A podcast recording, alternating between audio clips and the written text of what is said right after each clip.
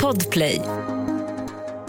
Du lyssnar på Politikrummet, Expressens podcast om svensk politik. Idag bland annat om vad Socialdemokraterna ska bråka om i Göteborg och så avslöjar vi Magdalena Anderssons stora politiska projekt. Häng med!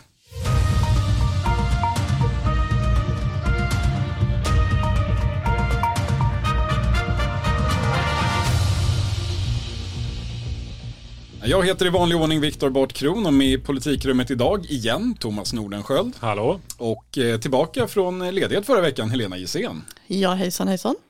Vi sitter här en tisdag. Imorgon ska vi alla tre till Socialdemokraternas kongress i Göteborg. Men vi börjar i det förgångna. Närmare bestämt i fredags. Då kom Coronakommissionen med sitt andra delbetänkande. Sveriges hantering har präglats av senfärdighet. Den svenska pandemiberedskapen var undermålig. Ja, senfärdigt och undermåligt enligt Coronakommissionen och ordföranden som vi hörde här, Mats Melin. Och hur har då det politiska Sverige reagerat? Ja, ungefär så här. Jag vet inte hur jag exakt ska beskriva vem som har vilken roll i detta. Ja, alla pekar på varandra som det brukar vara. Ja, särskilt i coronatider. Det är ändå ganska tuff kritik som kommer här och som ytterst drabbar naturligtvis regeringen som ju styr riket och då är det ändå inte slutorden som är sagda. Slutbetänkandet kommer i februari och man skulle kunna säga att det här alltihopa spelar in i det som vi pratade om här om veckan, det här caset ska vi säga, som Moderaterna försöker bygga om regeringsdugligheten som ett vapen mot den sittande regeringen, Thomas. Man det är pratade... det som traditionellt varit, eh, ansetts vara S starka kort. Ja, och som Moderaterna på sin stämma pekade på att eh, gängvåldet, elen och cementkrisen, att, att man försöker få ihop en kritisk massa av saker som inte står rätt till i Sverige. Även Socialdemokraterna har varit och nosat i den här riktningen, eller? Ja, nej, men jag tycker att det finns, när man pratar runt internt så finns det ju en, en, en känsla bland många som har varit med lite längre att eh, det har varit eh, under Löfvens ledarskap ändå brister i, liksom, i någon form av statsmannakonst, att den har brustit, alltså förmågan att styra landet, det här med liksom Löfvens väldigt delegerande ledarskap här och att det inte riktigt har, har, har funkat. Och där är ju, jag menar, det finns ju, man kan nämna fler exempel där vi har ju liksom migrationskrisen 2015 var väl det första stora där ändå det finns många idag som menar att nej, men där borde ju såklart regeringen agerat mycket tidigare. Det finns fler andra sådana exempel där man anses ha brustit i hantverket och även då covid, alltså coronakrisen, att det har varit svajigt och eh, det, det här delegerandet inte har Och det här är bra. första gången det kommer då en, en eh, ja, en statlig eh, utredningskommission som då ska lägga fram sina slutsatser om den här dugligheten och det kan ju eventuellt bli ett vapen för oppositionen. Ja, det kan det ju verkligen bli. Vi får ju se nu när slutrapporten kommer så småningom. Det kan ju verkligen skada regeringen, men hittills måste man ju ändå säga att de har klarat sig relativt bra, helskinnade ur detta. Alltså oppositionen har ju försökt ibland, till exempel under sommaren 2020, att eh, ställa till med stor konflikt, men de gav upp. Det fick inte riktigt fäste i debatten. Och sen stod man ju lite kroppen för sig själv också. Jag menar, den kanske mest högljudda då var Ebba Busch och sen några månader senare så var hon på fest när andra vågen började. Så det de slarvade bort det. Ja, men och Sverigedemokraterna, de försökte vara kritiska i början, men Jimmy Åkesson hade varit och delat ut flygblad i Turkiet ungefär när smittan kom in i Europa. Så det har varit lite, de har varit lite uppförsbacke för oppositionen. Ja, det kan man verkligen säga. De har inte lyckats, helt enkelt. Nej, men sen, sen finns det ju en till aspekt i det här som är lite bredare om man ska vara riktigt sådär opinionscynisk. Som man kan hävda att regeringen ändå vann på den här pandemin. Man måste komma ihåg lite grann var vi kom ifrån. Alltså vårvintern innan coronapandemin slog till så var det ju riktigt bedrövligt för regeringen. Socialdemokraterna var inte en största parti i mätningar, det var Sverigedemokraterna. Förtroendet för Stefan Löfven var uselt, han var i bottenträsket bland partiledarna. Det, det var väl då hela den här liksom problembilden kring gängskjutningarna verkligen ja. hade slagit rot, intressant. Exakt. Dels var det det, de var hårt pressade kring det, de var också väldigt hårt pressade kring frågor som reformeringen av arbetsförmedlingen, finansieringen av kommuner och regioner. Vänsterpartiet hade börjat skjuta skarpt mot regeringen tillsammans med Moderaterna, Kristdemokraterna och Sverigedemokraterna och bit för bit börjat demontera januariavtalet och det framstod väldigt tydligt som att det här kommer inte hålla, det kommer inte gå. Man trodde att det, var, det skulle haverera. Ja, ja auktoriteten var, var på väg i spillror och så boom händer detta. Och medans backar alla andra frågor tillbaka, oppositionen sjunker undan, fram stiger en regering med presskonferenser med fanor och auktoriteten återupprättad. Och ena krisbudgeten efter den andra. Ja, visst, och när det här sen faller undan igen, pandemins grepp om politiken, ja då har det uppstått ett hål i mandatperioden på ett drygt år som räddar mandatperioden för regeringen kan man säga. Därför att när sen oppositionen börjar skjuta skarpt igen i somras, ja då är det bara ett år kvar till valet, det är för sent att ställa till någon regeringskris. Det blev i och för sig en regeringskris, men, men Löfven lyckades komma ja, tillbaka. han lyckades ju göra det. Delvis tror jag för att eh, det var för sent i mandatperioden för att verkligen på riktigt göra någonting annat bedömde de inblandade aktörerna. Och en detalj i sammanhanget är ju att Lena Hallengren som ju har frontat i den här frågan väldigt mycket nu befordras och hamnar i Socialdemokraternas högsta ledning, verkställande utskottet. Ja, så och, alla, och alla andra lämnar. De ansvariga männen. Ja, Stefan Löfven lämnar och även Folkhälsomyndighetens generaldirektör Johan Carlsson lämnar de som stod på de mest centrala presskonferenserna. Så ja, regeringen kan nog gå vidare från detta. Men man måste verkligen vänta till slutrapporten för att det är ingenting som utesluter faktiskt att den kommer att få en väldigt stor påverkan. Det har hänt förut. Vi får se om det blir så även den här gången. Ja, imorgon onsdag börjar alltså den socialdemokratiska partikongressen i Göteborg och helt i linje med den socialdemokratiska självbilden så är den större och längre än andra partikongresser. Eh, fem dagar istället för fyra som Moderaterna eller tre som FUT-partier som Liberalerna. Mycket fokus kommer ju såklart att eh, hamna på eh, det valet av partiordförande. Det är mycket ospännande valet av partiordförande. Eh, men eh, det blir också en del politiska eh, bryderier, Helena. Vad har vi? Ja, vi har 4K på den här kongressen. 4K. 4K, det är några frågor som det förväntas bli diskussion om i alla fall. Karensavdraget till exempel, partistyrelsen vill behålla det avdraget i någon form men det finns mängder med motioner om att skrota karensavdraget och det kan sluta med att partistyrelsen jämkar sig och säger att okej, vi gör en utredning om detta. Det, Kulturpolitiken. det vill säga, en- man, man bara skjuter frågan då. Exakt. Kulturpolitiken, eh, enkelt sammanfattat skulle man kunna tänka att det blir en fråga, en diskussion om huruvida man ska prioritera kulturpolitiken i valrörelsen eller inte. Min gissning är att man inte kommer att göra det, men det kommer att bli Va, en varför skulle man vilja göra det då? Ja, det finns eh, ett eh, litet men högljutt antal eh, väljare och aktiva som tycker att den frågan är väldigt viktig. Den drivs hårt av en påläggskalv i partiet, Laven Redar. Så att det kan bli en diskussion där i alla fall. Det finns väl en ganska stark eh, känsla i partiet, en utbredd uppfattning att Miljöpartiet inte längre ska få ha den. Alltså man hade liksom, att, man, att man låtit Miljöpartiet ha den posten under många år. Har signal- Kulturministerposten alltså. Kulturministerposten har ju signalerat, tycker man internt, att man inte bryr sig om den, vilket säger lite om synen på Miljöpartiet. Men, men det är ändå, jag skulle säga att det finns ganska många som, som säger det nu, att det är Ja. dags att nästa regering så ska, och då menar jag kanske snarare efter nästa val, så Ja. ska Socialdemokraterna ta tillbaka den från Exakt, Miljöpartisterna. och en av de som driver detta är Laven Redar själv själv då.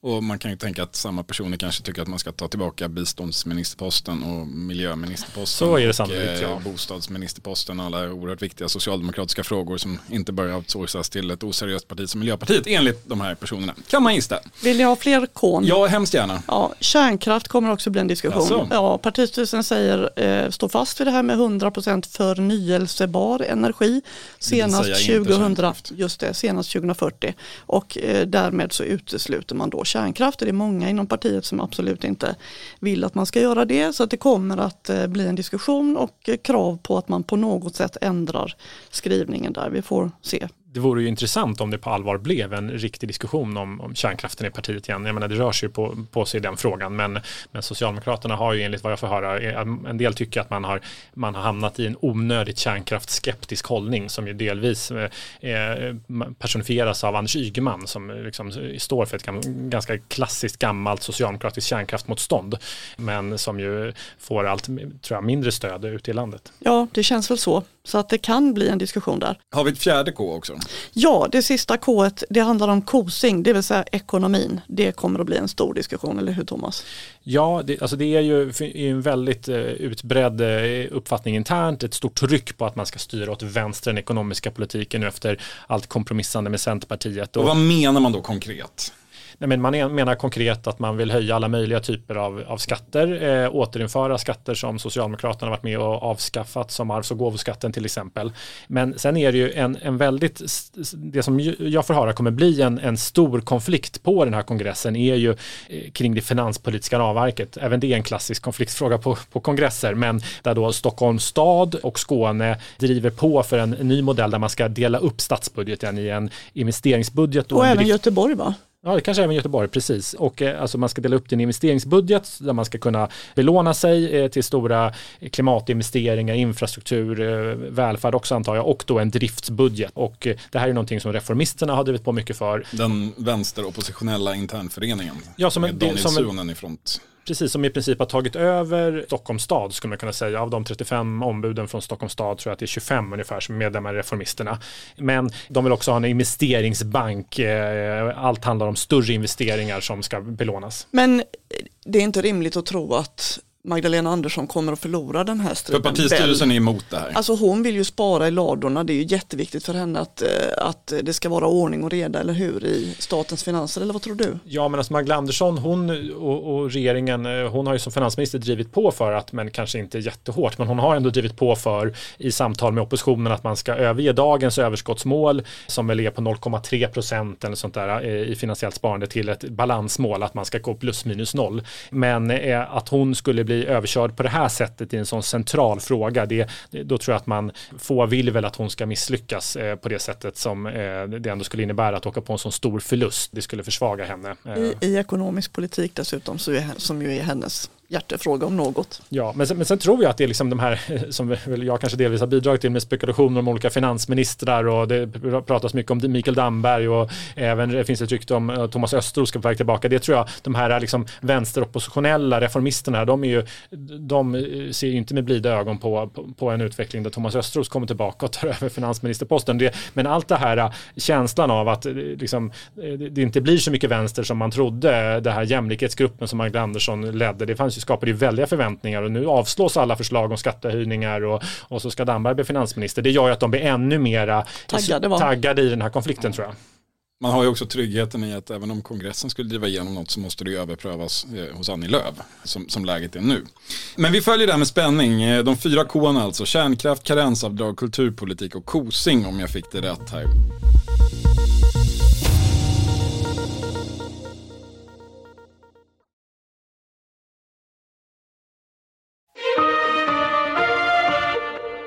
Men som sagt, det är ju inte det här som folk pratar mest om eller kommer att prata mest om trots allt, utan det är ju framtiden med den nya partiordföranden som ska väljas i enhällighet och staka ut sin riktning. Eh, val av partiordförande på torsdag, linjetal på fredag. Eh, det är detaljer. Men Thomas, du har luskat lite i vad Magdalena Andersson kommer att sätta upp för prioriteringar. Vad har du fått fram? Ja, men jag har pratat med personer i hennes närhet och det är ju eh, tydligt att de vill ha ett liksom mycket tydligare politiskt projekt än, eh, eh, än vad Stefan Löfven har haft som hon som ska definiera hela hennes gärning som allt ska kretsa kring. Och eh, det är då vad jag får höra det här med som hon redan gav uttryck för när hon nominerades eh, vända på varje sten för att bryta segregationen och den grova kriminaliteten, gängvåldet. Eh, det kommer vara helt, eh, ja, det, det, det ska handla om det helt enkelt, hennes politiska projekt. Ja, jag tror att hon eh, dels brinner för frågan men sen är det ju också jätteviktigt för Socialdemokraterna att desarmera motståndet här. De vill ju verkligen inte ha en konflikt kring detta. Och så sent som idag så gick de ut och Socialdemokraterna med förslag om att tillåta proaktiv Just nu pågår vår stora season sale med fantastiska priser på möbler och inredning. Passa på att fynda till hemmets alla rum, inne som ute, senast den 6 maj. Gör dig redo för sommar. Välkommen till Mio. CSRD. Ännu en förkortning som väcker känslor hos företagare. Men lugn, våra rådgivare här på PWC har koll på det som din verksamhet berörs av. Från hållbarhetslösningar och nya regelverk till affärsutveckling och ansvarsfulla AI-strategier. Välkommen till PWC. avlyssning, det vill säga att avlyssna människor även utan brottsmisstanke och så vidare. Det är ju ett krav som till exempel Moderaterna har drivit länge. Så att man vill ju inte ha en konflikt i den här frågan. Och man kanske också, om man ska vara lite generös, ser att eh, det fortsätter utvecklingen med segregation och så, så undermineras ju stödet för att driva socialdemokratisk politik ännu mer än det redan har gjort. Vi ska ju faktiskt komma ihåg att lite anledning till att man har de bryderier man har och sitter i den sits man gör är ju att eh, Sverigedemokraternas framväxt har ju faktiskt ätit upp en rejäl kaka av det traditionellt rödgröna underlaget och gjort det svårare att driva en socialdemokratisk vänsterorienterad politik. Jo, jo. Så en långsiktig målsättning borde ju vara att vinna tillbaka stödet för en sån politik och Ja. det tror jag inte att man kommer att kunna göra om man inte kan visa på bättring i de här, eh, med de här problemen. Nej, men hon, hon verkar vara, det säger de runt omkring henne, att hon verkligen är liksom genuint a, a, liksom driven och engagerad i den här frågan. Hon, eh, att liksom barn skjuter barn i det här landet, att det här bara pågår är någonting som det, liksom, det måste brytas och att hon, och det handlar då inte bara om alltså hårdare straff och, och liksom att man ska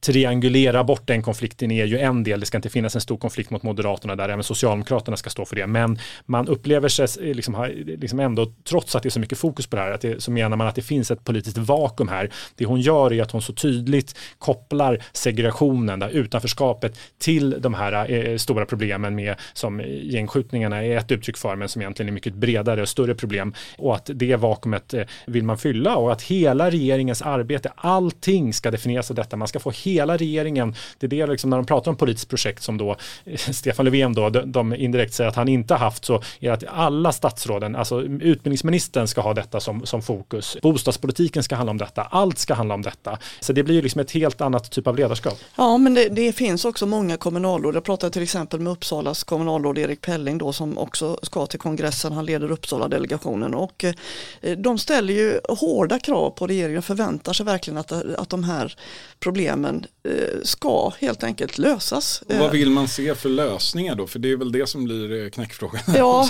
just Uppsala-delegationen går fram fram en motion där de vill, i likhet med Liberalerna till exempel, att man eh, ska helt enkelt se till att de utsatta områdena inte finns kvar som utsatta inom eh, 9-10 år. Då ska alla utsatta områden vara eh, borta från listorna helt enkelt. Det har partistyrelsen sagt nej till i vaga svar men det kommer förmodligen också bli en diskussion kring det. Men han säger då, precis som du var inne på, att Socialdemokraterna kan inte bedriva välfärdspolitik om man inte har en grundläggande trygghet i, i, i botten. Trygghet är så att säga den socialdemokratiska grundideologin.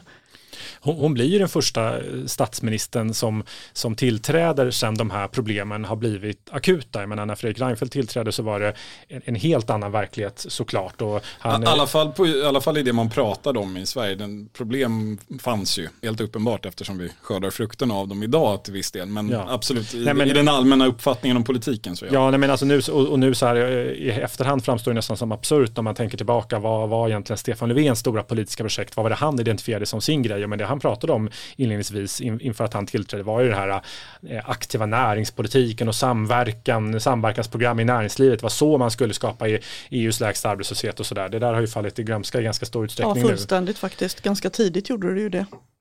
Men, men, men, jag tror att det, liksom, det här med ledarskapet är ganska centralt där, för jag tror att eh, ska man lyckas som, som statsminister eh, och partiledare att eh, få hela regeringens arbete att fokusera på en sak, att, att man ska definieras utifrån en fråga. Jag menar Fredrik Reinfeldt, han gjorde ju faktiskt det. det alla förknippar Fredrik Reinfeldts politiska gärning med arbetslinjen, det ska löna sig att arbeta och så. Medan eh, Stefan Löfven även själv har lite svårt att definiera vad hans stora politiska gärning har varit, tycker jag. Det är inte tydligt i de här intervjuerna som har varit med honom vad, han ska sammanfatta. Vi bytt riktning.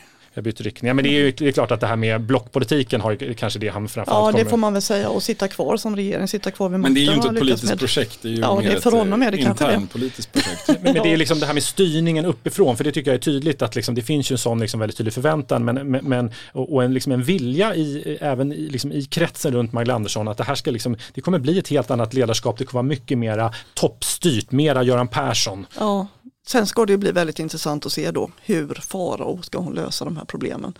Verkligen. Det är ju ingen som sitter inne med en, en trovärdig lösning än så länge. Nej, det blir i det perspektivet väldigt, väldigt intressant för man då bygger upp en förväntan kan man ju lugnt säga om man säger, definierar någonting som sitt stora projekt. Då vill det ju verkligen till att man har någonting att backa upp det med sen. Känslan är att alla famlar. Ja, det är ju det. Sen är det ju också så här hörni, att för att hon ens ska få chansen att leverera ett politiskt projekt så ska hon ju bli vald. Inte bara till socialdemokratisk partiordförande utan till Sveriges statsminister är ju tanken. Helena, hur går det med det där egentligen? Det är ju det är en budget, det är statsministeromröstning, det är en ny regeringsbildning. Vad, vad, vad har vi för nytta här? Ja, det är ju det att eh, det finns ju villkor för att hon ska kunna tillträda som statsminister och mm. Eh, Centerpartiet har ju ställt upp de villkoren. Eh, man ska fullfölja LAS-överenskommelsen. Man ska se till att eh, strandskyddet uppluckras enligt centerpartistisk modell. Och eh, dessutom så ska man stärka äganderätten för skogsägare då. Och nu verkar det som att skogsfrågan är relativt nära en lösning. Den leds ju av Ibrahim Baylan då medan strandskyddet går extremt trögt. Jag har pratat med ledande miljöpartister och även ledande centerpartister som säger att det har inte hänt någonting i den frågan. Så att där står man och stampar och Socialdemokraterna blir allt mer stressade och utövar enorma påtryckningar nu på Miljöpartiet framförallt men också på Centerpartiet för att få den här frågan ur världen. De hade ju naturligtvis helst velat ha den löst igår. De vill ju inleda sin historiska partikongress utan att distraheras av det här bråket då, eh, mellan stödpartierna. Som ju är väldigt, det är väldigt avgörande helt enkelt för dem att, att eh, de här frågorna blir lösta. Så allt riskerar att stranda? Allt riskerar att stranda. Det, man undrar lite med, när det gäller Miljöpartiet, så här, de, det har ju spekulerats i ska de hoppa av regeringen eller inte, så där, men då har man ju, när man pratar med miljöpartisterna förstår man att strategin har varit att inte hoppa av regeringen utan att sitta kvar och blockera att man lägger fram. Jag menar miljöpartisterna måste ju vara med på. De har ju veto. De har veto, det är dessutom Per Bolunds departement som ska ta fram propositionen när det gäller strandskyddet, men, eh, men nu har de ju problemet då att regeringen ska ändå avgå. Så det gör ju, vilket lite försvagar, annars hade de ju bara kunnat sitta där och bara vägra lägga fram det. Men Exakt. nu kommer det liksom, nu ska regeringen avgå och den ska bildas på nytt så att säga. Där... Men då säger de så här, ja men regeringen ska ju tillträda och frågorna finns kvar och vi kommer inte att Miljöpartiet säger vi kommer inte att tillåta att man eh, avskaffar strandskyddet som är deras Nej. tolkning då av men frågan är ju krav. då, ja, men precis, men frågan är ju då ändå så här, inte tillåta, det är ju, det är ju en diskussion internt inom Socialdemokraterna, kanske inte på högsta nivå, men man snappar ändå upp den här och, här, här och var och man hör den mer och mer, så här, kommer Miljöpartiet verkligen sitta med i nästa regering? Och frågan är ju, låt säga att de inte, de blir överkörda här, ska de då blockera? De antyder ju att de ska göra det, men mm. det är klart att det är väl inte så många som tror att de verkligen kommer att släppa fram Ulf Kristersson som statsminister hellre. De kan ju välja att inte släppa fram någon såklart. Det kan de ju kan göra. vi få den där övergångsregeringen in i evigheten som vi pratade om häromveckan. Fullt möjligt. Ja, eh, och det här leder ju lite grann in också på frågan om det, eh, en annan fråga som bubblar där, eller kommer att bubbla under ytan eller till och med på den nere i Göteborg, gäller ju faktiskt Socialdemokraternas parlamentariska vägval i ett något större perspektiv. Vi har pratat här tidigare om när SSU var ute och pratade om att man borde lägga fram en massa politik. Man pratade bland annat om pensioner men också om andra frågor, arbetskraftsinvandring. Och söka stöd i andra konstellationer än de man har samarbetat med hittills under mandatperioden. Bland annat hos Sverigedemokraterna. Och det där kunde man ju då vifta undan med att det är ungdomar, de, de, de är unga och oförståndiga. Och så kom i veckan istället då, eller också, eh, Susanna Gideonsson, som inte är någon ungdom utan LOs ordförande och ledamot i Socialdemokraternas verkställande utskott. Och eh, tyckte samma sak Socialdemokraterna borde höja pensionerna tillsammans med Sverigedemokraterna om nödvändigt. Man pratar om att ett, man ska utnyttja ett större handlingsutrymme. Finns det verkligen ett sånt? Nej, det finns ju inte. Det är helt uh, orealistiska tankegångar det här. Jag förstår faktiskt inte överhuvudtaget hur de har tänkt sig att det här ska gå till. Ska då Socialdemokraterna i strid med Miljöpartiet och sina övriga stödpartier lägga fram förslag och söka stöd i riksdagen från Sverigedemokraterna? Eller hur tänker de?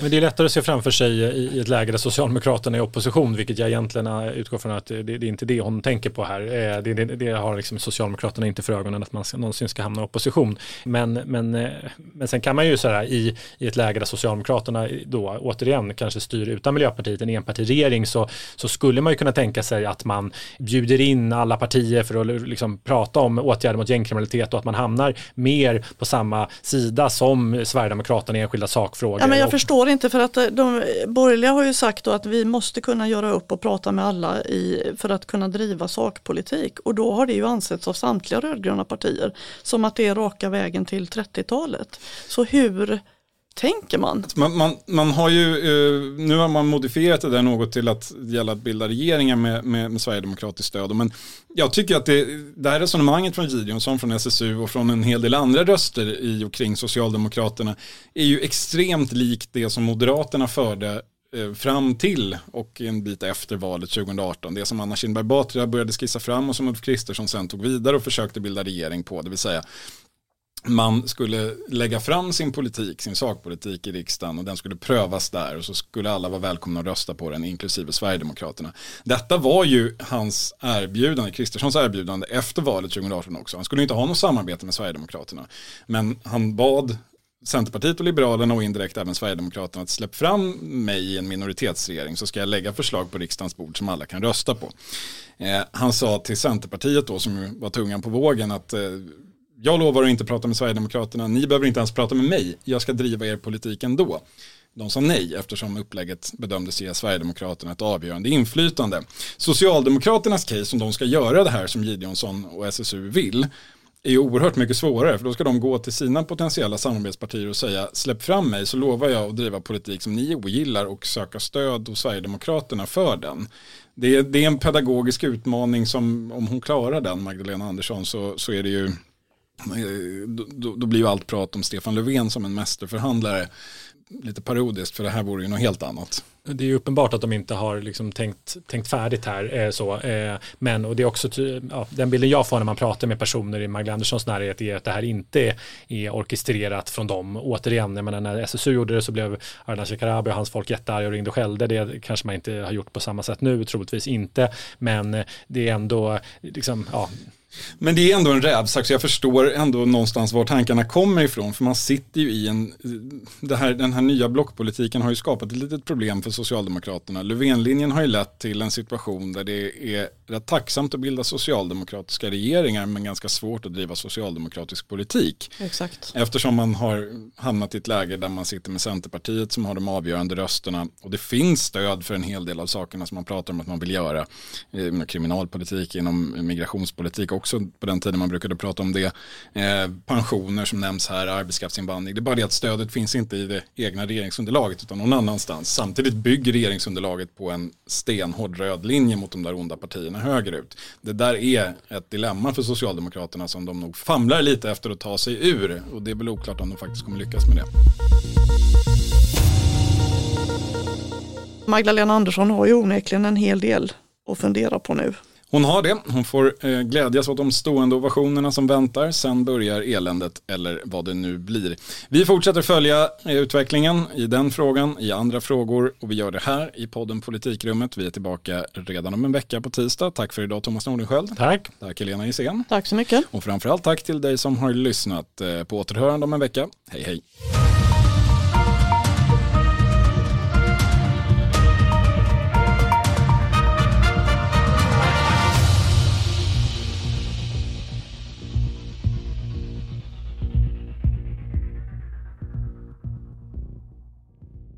Du har lyssnat på en podcast från Expressen. Ansvarig utgivare Klas Granström. Hej, Synoptik här. Visste du att solens UV-strålar kan vara skadliga och åldra dina ögon i förtid? Kom in till oss så hjälper vi dig att hitta rätt solglasögon som skyddar dina ögon. Välkommen till Synoptik.